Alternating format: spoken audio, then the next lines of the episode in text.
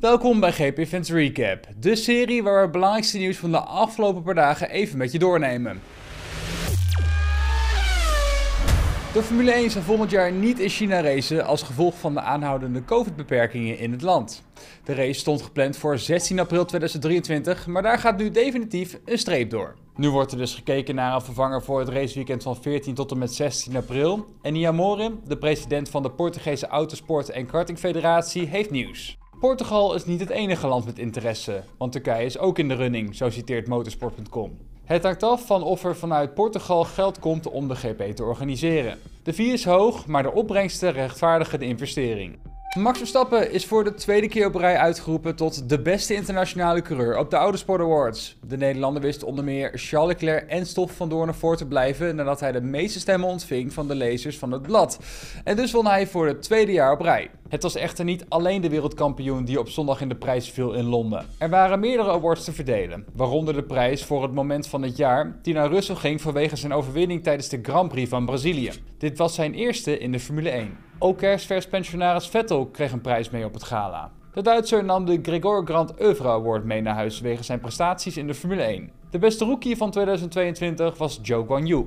Fernando Alonso heeft net een nieuw contract getekend bij het team van Aston Martin, maar zit echter nu al na te denken over zijn plannen na de Formule 1. Alonso begint volgend jaar aan zijn 20ste seizoen in de Formule 1. De 41-jarige coureur is nu al aan het nadenken over wat hij na zijn Formule 1 carrière wil doen. Dit is over 2 à 3 jaar liet hij weten en daarna ziet hij zichzelf in een rol buiten het racen zelf, maar nog steeds binnen de Formule 1. Bijvoorbeeld als ambassadeur zoals Pedro Della Rosa nu is voor Aston Martin. Op dit moment heb ik nog niet echt een duidelijk plan in mijn hoofd.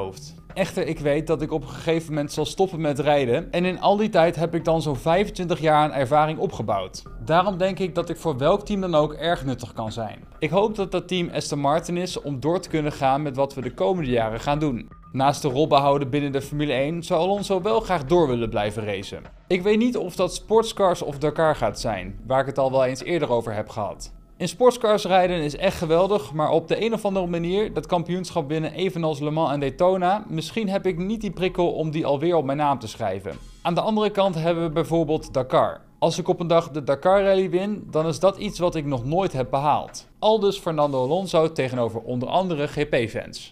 Het hoofd van de technische zaken bij de FIA, Nicolas Tombasis, onthult dat de sport nadenkt over de grootte van de hedendaagse Formule 1-auto. Het idee is om vanaf 2026, wanneer het nieuwe motorreglement ingaat, ook direct kortere en lichtere auto's te introduceren. De Formule 1-auto's zijn in de voorbije jaren alsmaar groter en groter geworden. Het levert fraaie plaatjes op, maar een veelgenoemde klacht is de luie reactie van de huidige auto's. Tot basis hoopt dat de trend om steeds maar grotere wagens te bouwen nog kan worden gekeerd. Bij The Race legt Tom Basis het plan uit om vanaf 2026 met een nieuwe generatie Formule 1-auto te komen. Het is realistisch om de auto's wat lichter te maken. Geen enorme hoeveelheid. We moeten bedenken dat het verschil in gewicht sinds 2000, pakweg 20 jaar geleden, ongeveer 200 kilogram is, wat een enorme hoeveelheid is. En van die 200 kilo komt ongeveer 100 kilo van de power unit, dus van de elektrische onderdelen, accu's, turbo's enzovoort. Dat is een grote gewichtstoename.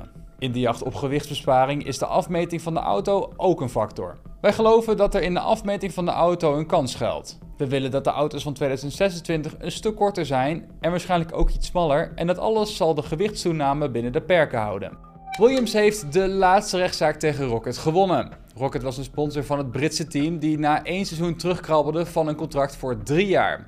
Williams krijgt zo'n 26,2 miljoen Britse pond, dat staat ongeveer gelijk aan 30,6 miljoen euro, van het Californische bedrijf, zo meldt Sports Illustrated. Aan het einde van het eerste jaar van de samenwerking besloot Rocket zichzelf terug te trekken. Het bedrijf, dat investeert in verschillende dingen zoals telecommunicatie, drankjes en e-bikes, betaalde niet voor het beloofde geld voor de laatste twee seizoenen en dus werden de Rocket stickers van de Williams bolide gehaald. Het definitieve oordeel van de Californische rechtbank is dat Williams in totaal 26.220.094